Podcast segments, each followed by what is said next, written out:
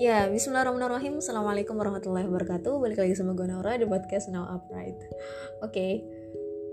ini udah hari ke sekian puasa ya. Mungkin ketika gue merekam ini, teman-teman dengerinnya ada yang hari H atau mungkin besok, besok, besok atau tahun depan mungkin. Uh, salam kenal, gue Naura. Setelah berapa lama nih gue nggak upload lagi ya nggak mau beralasan karena emang gue males. Dan mungkin gue nggak ketrigger sama apa pun. Hidup gue kemarin-kemarin datar-datar aja. Sebenarnya banyak sih beberapa keputusan yang uh, sempat gue ambil dan sikap juga gue ke orang-orang ke sebagian orang yang uh, menurut orang itu mungkin kalau bahasa teman gue tuh bikin overthinking gitu kayak mungkin mereka akan bertanya ini orang kenapa? gitu. Ini Naurah nih kenapa? gitu. Tapi entah kenapa gue menjadikan itu adalah salah satu sikap atau bentuk sikap gue terhadap sikap orang lain ke gue gitu. Ya lu tau lah ya kalau misal lu mau ditreat dengan baik lu harus ngetreat orang itu dengan baik sementara gue merasa bahwa gue sudah mentreat orang ini dengan baik tapi ketika gue ditreat tidak dengan seharusnya maka gue berhak untuk menentukan sikap gitu ya. It means uh, kenapa di awal gue menyampaikan ini? Karena mungkin ada beberapa persepsi yang mengatakan again baik lagi seperti di podcast podcast selanjutnya eh, sebelumnya bahwa uh, persepsi orang nggak bisa kita atur. Uh, ada yang bilang memang gue itu sudah selesai dengan diri gue sendiri dan ada juga yang mungkin gue terlalu main drama karena masa lalu gue dan lain sebagainya. Tapi itu cuma selingan aja gitu ya. Karena di sini gue akan menyampaikan tentang salah satu adaptasi ya bahasan eksplorasi yang dijadiin buku juga sama Dr. Muhammad Al Ghazali dari bukunya Del Carnegie, How to Stop Worrying and Start Living. Kalau mungkin teman-teman pernah dengar Dale Carnegie itu yang viral sekarang yang dijajarin bukunya di Gramet tuh biasanya kalau nggak salah ya judulnya itu How to Win Friends and Influence People yang gue pernah lihat sih covernya merah putih tapi ada banyak versi itu karena beda-beda penerbit ya Nah, kalau buku How to Stop Worrying and Start Living ini kenapa bisa sampai dieksplorasi sama Dr. Muhammad Al-Ghazali? Karena memang pernah diterjemahkan ke dalam bahasa Arab oleh Ustaz Abdul Munaim Al-Ziyadi. Jadi uh, setelah dibaca nih sama kebanyakan orang terus kok mirip-mirip gitu ya sama apa yang ada di dalam Islam atau value-nya Islam gitu. Nah, sebenarnya hal-hal kayak gini nih udah sempat kita bahas gitu ya di podcast podcast gue sebelumnya. Juga gue sempat menyinggung tentang uh, filosofi hidup toism terus stoicism atau mungkin minimalism dan lain sebagainya. Dan gue paling serak sama yang namanya stoa filosofi stoa gitu kan itu prinsip hidup yang mirip banget kalau di Islam kayak tawakal gitu ya. Apa yang jadi urusan lu yang bisa lu urus. Yang ada di tangan lu ya lu urus. Tapi kalau yang ada di luar kehendak lu di luar uh, apa pengaturan lu hal-hal yang nggak bisa lu atur ya lu lepas lu serahin sama Tuhan gitu. Lu serahin sama Allah gitu aja. Nah ini sebenarnya nilai-nilai yang ada di bukunya Dale Carnegie ini menurut Ustadz Abdul Munaim yang disarikan dieksplorasi lagi sama Dr. Muhammad Al Ghazali mirip-mirip gitu jadi uh, kejadiannya adalah bagaimana bisa gitu ya nalar akal atau tajribah ya tajribah ini bisa sesuai gitu dengan nalar wahyu gitu kan itu hasil eksperimen manusia itu bagaimana bisa menyamai yang namanya wahyu dari uh, wahyu samawi gitu ya. Wahyu yang tetap gitu sifatnya dari Allah Subhanahu Wa Taala gitu. Nah harmonisasi ya atau kombinasi yang cantik ini itu membuktikan sekali lagi ya sudah berkali-kali sebetulnya gitu. Hanya kita tuh perlu menegaskan kita harus lebih lantang kita harus pede kalau nilai-nilai yang sebenarnya diangkat sama orang-orang barat atau psikolog-psikolog barat atau orang-orang yang suka me, apa ya menulis tentang satu dua tiga hal. Soal uh, kepribadian manusia atau soal uh, human empowering lah ya.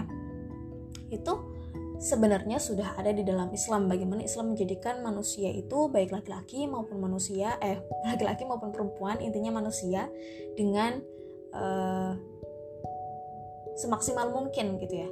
Dengan perannya masing-masing dengan tugasnya masing-masing gitu ya dengan fungsi dan peran yang sudah sesuai dengan kodrat atau fitrahnya. Nah di buku ini gue nggak mau berpanjang kalam dalam mukodimah intinya adalah gitu ya. Intinya adalah yang pertama buku ini tuh menegaskan bahwa siapa sih gitu ya orang tuh yang nggak mau berubah? Siapa sih orang yang hidupnya tuh mau stagnan stagnan aja gitu? Mau gitu-gitu aja mau jumut aja mau di situ aja gitu. Ibaratkan air tuh kalau sungai ya di situ aja kayak rawa lah ya. Keruh di situ aja gitu. Ibaratnya benda mati ya kita bisa bilang benda mati meskipun dalam banyak uh, eksperimen menunjukkan bahwa ada apa ya ada graduasi ya bukan graduasi ya ada suara yang dihasilkan gitu ya dan itu diinisialkan dengan suara tasbih suara berzikir. Ya kita bisa menginisialkan bahwa air ini adalah se -se semacam air aja tuh bisa uh, menunjukkan kepada kita ya. Kita bisa membaca dari tafakur alam itu ya ikro itu bahwa kita tuh harus ngalir gitu. Kita tuh harus bergerak kita butuh yang namanya perubahan. Artinya kita nggak bisa ada di satu tempat itu aja gitu kan. Gue inget film Ikro itu film Ikro yang dikeluarin sama Salman ITB itu me, kalau nggak salah ya ini menunjukkan salah satu tokoh uh, seorang kakek di film tersebut itu menunjukkan bahwa arti dari ikro bismillahirrahmanirrahim khalaq itu tidak sekedar ikro dalam artian membaca kitab gitu. Tapi uh, kita juga harus bisa membaca diri kita sendiri dan juga kita harus bisa membaca yang namanya alam gitu alam yang sudah dihadirkan oleh Allah Subhanahu wa taala. Nah, salah satu bentuknya adalah kita menyadari ya dari air tadi gitu. Yang namanya air aja harus mengalir gitu agar dia bisa terus jernih, agar dia bisa tetap terlihat seperti air yang pada umumnya kita kenal gitu. Nah, begitupun manusia gitu ya. Nah, tapi gitu ya. Apakah berubah itu adalah sesuatu yang selalu baik kan? Enggak gitu ya. Tentu yang namanya perubahan yang kita maksud di sini adalah mengarah kepada perubahan yang baik ya. Artinya kita spesifikkan lagi gitu. Kita mau berubah ke arah yang lebih baik gitu kan. Artinya kalau tadi pertanyaannya siapa sih yang nggak mau berubah? Ketika dispesifikkan lagi dan disesuaikan lagi dengan uh, nalar akal dan nalar wahyu yang sudah ada, maka pertanyaannya akan menjadi siapa sih yang gak mau berubah ke arah yang lebih baik gitu kan? Nah, mungkin ada, mungkin ada sebagian orang yang dia benci sama perubahan, dia benci sama yang namanya uh, adaptasi gitu ya. Ini terlep, ini beda ya, beda konteks dengan orang-orang yang introvert atau orang-orang yang uh, gak, gak gampang bergaul dengan uh, apa orang lain ya orang asing yang entah entah berantah dari mana gitu ya enggak. Ini beda konteks gitu ya.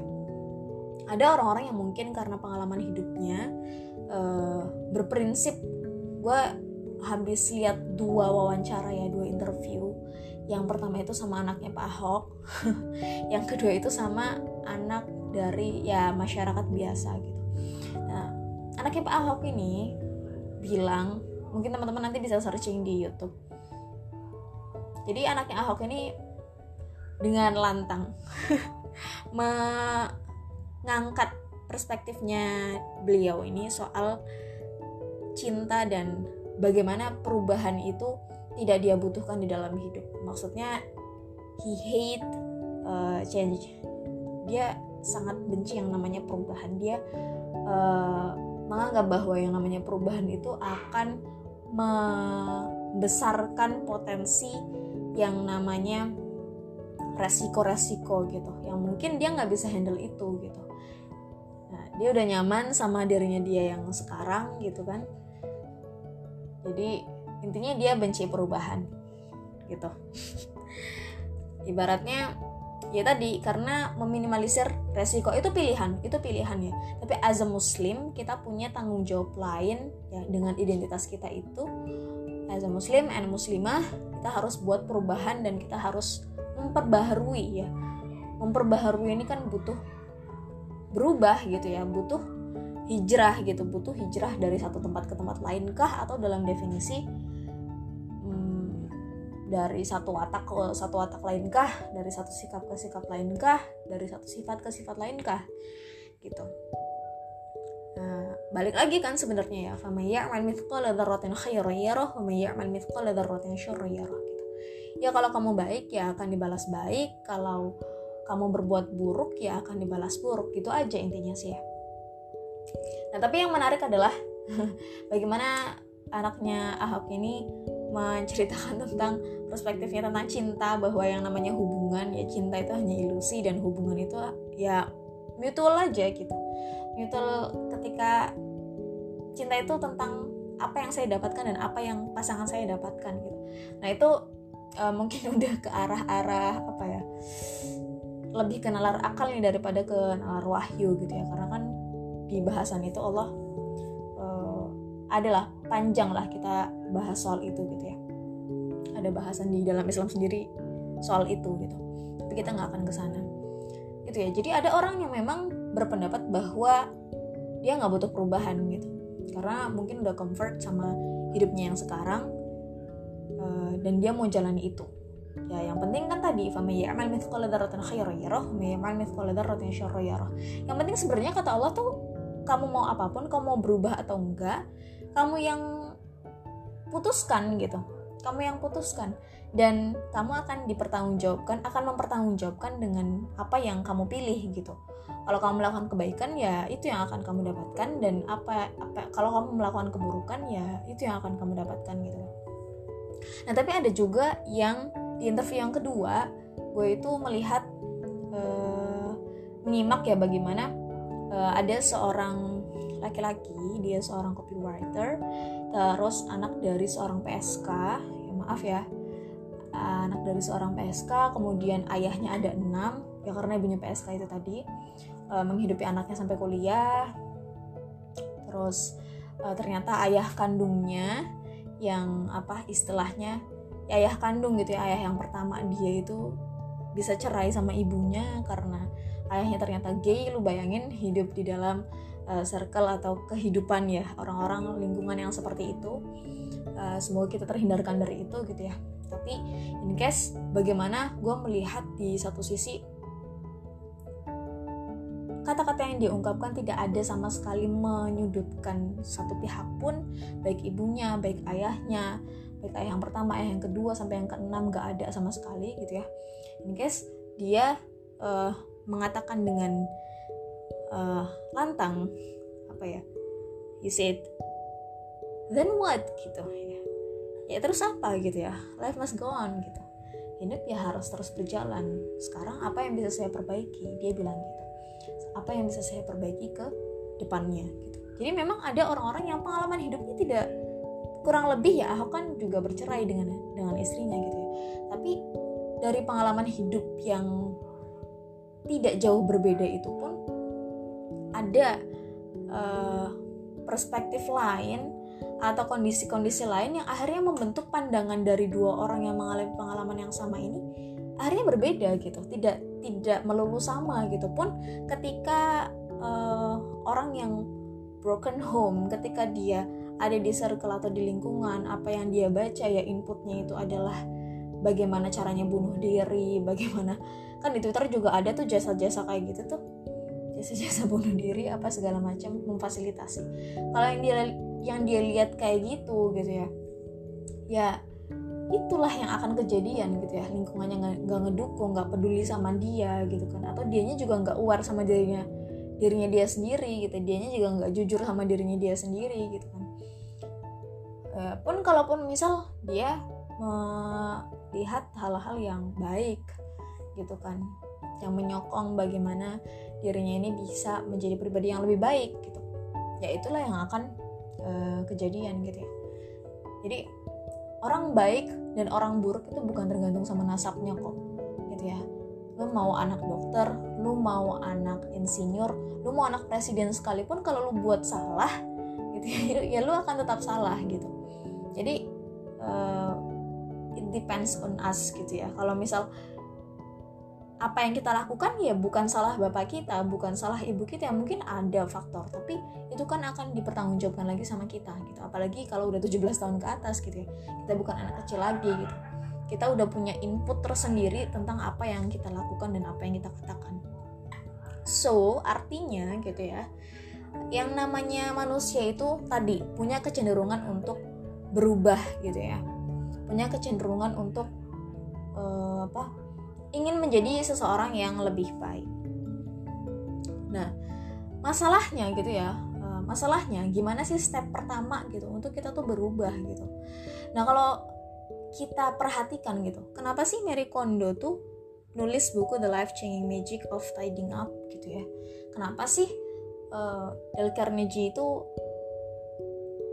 nulis buku How to Stop Worrying and Start Living gitu? Atau buku-buku yang lain gitu. Kenapa sih penulis-penulis itu tuh membuat satu dimensi tertentu yang kita tuh kalau bisa ada di dalam dimensi itu? Atau kenapa sih Ustadz Felix Yao tuh nulis buku The Habits gitu ya?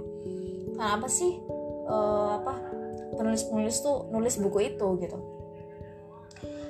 Ya karena sebenarnya gitu ya, yang namanya perubahan itu butuh yang namanya momentum gitu. Kalau momentum itu nggak datang sendiri ya kita yang menciptakan kalau mungkin teman-teman dari uh, organisasi kami mungkin pernah yang namanya uh, membaca buku menyiapkan momentumnya uh, Bang Rijalul Imam gitu ya. Akselerasi dalam banyak hal gitu ya perbanyak kuantitas masa dan lain sebagainya tapi ini beda lagi gitu ya.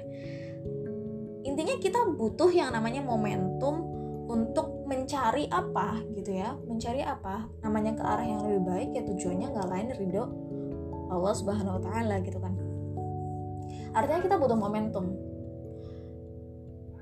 Kalau misal kita nggak bisa kita nggak nggak dapat momentum itu untuk menuju ke arah yang lebih baik itu ya kita yang menciptakan gitu. Nah itu dikembalikan kepada teman-teman. Hanya gitu ya gue nggak mau karena tujuan kita beda-beda gitu ya. Kita berubah cara kita untuk menjadi lebih baik itu berbeda-beda gitu ya. Ada yang ah, gue pengen uh, mandiri secara finansial dulu gitu. Gue mau uh, bahagiain orang tua gue dulu gitu. Atau mungkin ada yang pengen bahagiain gurunya dulu atau gue pengen bahagiain diri gue sendiri dulu gitu. Atau gue pengen apa dan lain sebagainya. Gue mau lebih dekat sama Allah dengan cara apa yang lu punya itu bebas gitu ya. Asal nggak ngelanggar syariat itu tadi gitu ya. Nah yang jadi masalah di generasi kita adalah yang gue rasain juga dan akhir-akhir ini juga sangat viral gitu ya. Bahwa ketika kita sudah mulai untuk berubah kita udah nyusun step kamar kita udah berantakan dan lain sebagainya gitu kan. Kita udah uh, ngatur pengeluaran bulanan apa segala macam jadwal udah ditempel di mana-mana uh, spidol mungkin berat nggak beraturan di mana-mana gitu ya. Kertas-kertas sobekan kita mulai bersihin kamar kita kita mulai uh, tata pikiran kita tata target kita dalam satu tahun dan lain sebagainya. Ya tadi gitu ya memang kita butuh momentum itu gitu. Entah mungkin karena kita baca buku itu di di situ kita dapat momentumnya gitu atau kita mungkin ada momentum tahun baruan atau mungkin ada momentum Ramadan gitu yang akhirnya membuat kita tadi menciptakan momentum itu gitu. menciptakan momentum perubahan uh, dari diri kita sendiri itu gitu ya atau mungkin kalau yang gue alami bagaimana uh, Allah nih mendatangkan momentum oh gue diamanahkan di uh, organisasi ini untuk posisi ini maka gue harus belajar soal posisi itu atau mungkin teman-teman yang lain yang gak biasa public speaking tiba-tiba di sering disuruh untuk diminta untuk jadi MC diminta untuk jadi moderator akhirnya teman-teman belajar uh, skill public speaking itu. Akan ada momentum-momentum yang gak kita duga dan memang harus kita ciptakan secara sengaja gitu.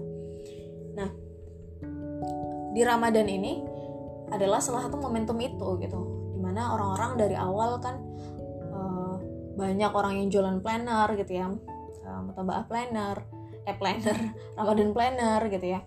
Terus habis itu ada orang-orang yang uh, apa mulai share-share influence soal Ramadan, keutamaan Ramadan, keutamaan puasa Ramadan, keutamaan amalan-amalan di bulan Ramadan dan lain sebagainya. Itu kan uh, salah satu momentum gitu agar manusia ini berlomba-lomba untuk apa sih? Ya ke arah yang lebih baik itu tadi nah permasalahan yang tadi pengen gue angkat adalah kebanyakan dari kita ketika sudah uh, memiliki step gitu ya kita kan kadang ada yang nulis gitu kan. Ada yang nulis di apa di plannernya ada yang ditempel cita-citanya bla bla bla bla tahun segini uh, gue harus ini tahun segini gue harus ini gitu kan. Atau yang viral gitu kan nanti gimana gitu kan. Uh, dia udah sampai sana gitu kan kalau yang banyak flexing sekarang kan. Atau ada yang bilang di umur 22 harus lulus kuliah gaji udah 4 juta du umur 24 gaji udah double digit gitu kan terus nabung. Di umur 26 dapat 100 juta pertama investasi. 27 nikah nyicil rumah. Umur 30 apa satu miliar pertama misalkan. Atau mungkin umur 32 rumah dan mobil lunas terus resign terus financial apa financial freedom terus udah punya dana darurat dan lain sebagainya. Dan itu di apa ya disemarakan gitu ya ditantang gitu bahwa milenial itu bahkan sampai ada riset tentang milenial itu susah punya rumah gitu. Karena bla bla bla bla bla bla bla bla. Intinya salah milenial gitu. Padahal ada ada research lain yang mengatakan bahwa sebenarnya itu bukan sepenuhnya salah kita. Bukan kita ya sorry gue bukan milenial sorry. Nah itu ya. Jadi ada banyak faktor gitu yang membentuk sehingga akhirnya kita itu entah karena ada orang-orang yang tadi terus kita terlalu ngelihat keluar gitu ya kita terlalu merujuk keluar gitu. Kita nggak fokus sama diri kita sendiri dan apa yang kita lagi jalanin sekarang akhirnya kita muncul rasa cemas gitu. Akhirnya muncul rasa cemas. Nanti gimana? Dia udah sampai sana. Kok saya baru baru sampai sini? Kok kayaknya dia udah lari kenceng banget? Gue di sini sini aja gitu. Gue diem aja gue gak ngapa-ngapain gitu kelihatannya. Padahal lu udah begadang lu udah lembur apa segala macam kayaknya segala usaha tuh udah lu lakuin tapi kok kayaknya lu nggak bisa sebahagia dia gitu. Nah apa? Bahasa ininya mah insecure ya. Nah kalau katanya salah satu apa ya salah satu kutipan yang diambil sama Dale ini di bukunya adalah our main business is not to see what lies dimly at a distance but to do what lies clearly at hand gitu. Jadi ya yang jadi tugas kita itu adalah bagaimana kita itu bisa fokus sama apa yang ada di tangan kita gitu. Bukan sama apa yang kebohongan yang gak tahu nih gitu. Soalnya kan ilusi gitu ya ibaratnya kalau bahasanya anaknya tadi itu ilusi gitu. Ilusi masa depan yang ketakutan-ketakutan itu sebenarnya nggak diperlukan gitu nggak perlu kita pikirin gitu. Dan yang nggak boleh dilupakan adalah kita juga harus berdoa bahwa berilah kami rezeki pada hari ini. Bayangin berilah kami rezeki pada hari ini gitu. artinya tidak menihilkan Tuhan tapi juga tidak uh, apa ya tidak menihilkan bahwa akan ada bahwa akan tetap ada hari esok. Kita harus mempersiapkan tapi bagaimana kita bisa uh, mempersiapkan tanpa kita lebur terhadap apa yang apa yang akan datang di masa depan itu gitu. Jadi kita bener-bener fokus sama apa yang amalan kita di hari ini apa yang bisa kita lakukan di hari ini pencapaian-pencapaian kita di hari ini gitu. Sehingga evaluasinya per hari gitu ya. Kan kalau kata mau di Ayunda tuh di salah satu interview dia bilang gimana bisa mencapai segala sesuatu yang besar ya ketika dia bisa me, apa ya ibaratnya kalau kita punya pisau itu kita potong-potong impian-impian itu tuh jadi kecil-kecil jadi langkah-langkah kecil. Langkah-langkah kecil itu ya bisa kita evaluasi harian gitu kan. Harian atau tiga harian atau semingguan atau dua mingguan tiga mingguan sebulanan gitu ya. Dan lain sebagainya gitu. Ya itulah kenapa ketika di sekolah pun kita ada ujian UTS ya kan UTS atau PTS sekarang ya atau PAS gitu. Ya itu kan adalah untuk menguji bagaimana kemampuan siswa itu e, secara bertahap gitu kan. Istilahnya e, tidak langsung brek tiba-tiba UN gitu kan. Tapi kan harus ada evaluasi secara berkala. Sebenarnya sekolah mengajarkan itu kepada kita tapi kita nggak engah mungkin ya. Atau gue aja mungkin yang nggak engah baru engah gitu ya. Nah lalu apakah salah bermimpi gitu ya? Bukan kadang uh, kalau gue kalau gue pribadi tipikalnya yang gue menulis tapi kadang realitanya nggak sesuai sama apa yang gue tulis gitu. Jadi kadang karena gue lelah gue capek menulis akhirnya gue bener-bener uh, apa let go aja gitu. Gue uh, bener-bener berjalan mengikuti bagaimana ya udah ngalirnya begitu ya udah gitu. Itu. Itu kalau gue ya. Nah, tapi gue nggak menihilkan ada juga orang-orang yang memang harus menulis gitu. Harus menulis uh, apa evaluasi pada harian misal atau menulis pencapaian pekanan gitu. Misalkan ada yang uh, apa mungkin yang kreatif dia bisa bikin doodle dia bisa bikin graffiti atau apa kaligrafi lah yang dilucu-lucuin di buku itu gitu ya dengan warna-warni spidol apa segala macam. Journaling ya journaling. Ya nggak salah gitu nggak salah. Karena beda-beda gitu kan orang tuh beda-beda. Jadi e, cara orang bermimpi cara orang menyalurkan uh, idenya, mimpinya, kreativitasnya memang beda-beda gitu. Nah, tapi yang penting tadi jangan larut gitu kan. Kayak ibaratnya tuh kalau katanya Sufyan Al Sauri ya waktu beliau kan kaya ya kayak raya waktu beliau tuh nunjuk ke hartanya di depan uh, tabin-tabin yang lain beliau bilang itu kan pas masanya Bani Umayyah ya masa kekuasaannya Umayyah jadi petinggi-petingginya ya orang Umayyah gitu kan. Nah beliau tuh bilang kalau nggak ada harta ini gitu ya kalau nggak ada harta ini kita bakal ngemis-ngemis sama mereka gitu. Kita bakal ngemis-ngemis bakal menjilat sama yang namanya pemimpin gitu pemimpin pada masa itu. Artinya harta yang sudah ada di depannya itu ya hasil hasil persiapannya dia di tahun-tahun sebelumnya gitu sebelum tahun itu gitu kan. Artinya nggak salah gitu kita mempersiapkan sesuatu asal tadi jangan larut gitu jangan larut dalam artian jangan cemas gitu jangan cemas terhadap apa yang belum terjadi. Nah tapi jangan juga kita saking ya udah uh, apa ya YOLO gitu kan you only live once gitu lu nggak tahu besok lu mati apa enggak gitu barangkali lu besok mati ya udah nikmatin aja hari ini yang nggak gitu juga gitu. Nikmatin hari ini kalau nikmatin hari ini ya definisinya menikmati itu kedekatan kedekatan lu uh, meningkatkan kedekatan lu dengan Allah ya oke okay, gitu ya. It's fine gitu ya. Lu semakin perbanyak amal lu. Tapi kalau misal yang lu artikan dengan YOLO itu adalah ya lu foya-foya lu habisin duit lu lu apalagi lah lu senang-senang dalam artian hedonisme dan materialisme ya uh, big no gitu kadang kan uh, ada juga yang ya udah nunda-nunda gitu kan akhirnya gitu. Lulus kuliah di ngaret-ngaretin sengaja gitu kan atau misal ketika udah mapan uh, udah mapan ya maksudnya udah udah dalam takaran sunnah atau wajib untuk menikah dientar-entarin gitu kan. Ntar lah kalau misal udah punya rumah kalau udah punya mobil kalau udah punya aset sekian miliar gitu kan baru nikah. Kalau misal udah nikah ntar lah punya anaknya gitu kan repot bla bla bla bla bla bla ntar aja kalau udah menunda-nunda ya juga nggak boleh juga gitu ya. Karena kan ya tadi gitu ya uh, apa kita cita-citanya tinggi tapi ya masih suka check out barang-barang yang unfaedah dari all shop gitu kan.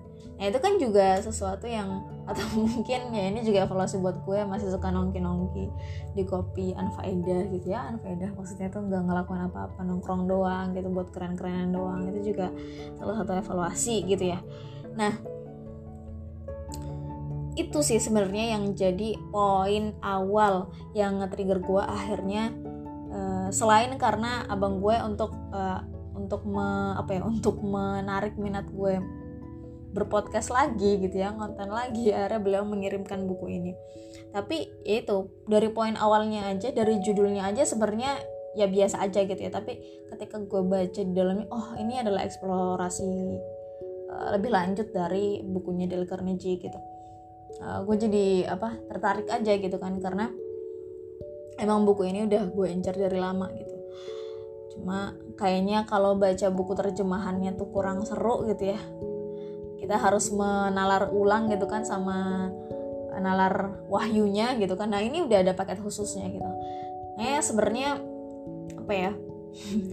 Buku ini sangat menggugah gitu ya kalau teman-teman bisa baca uh, bisa cari mungkin uh, kalau masih ada terbitannya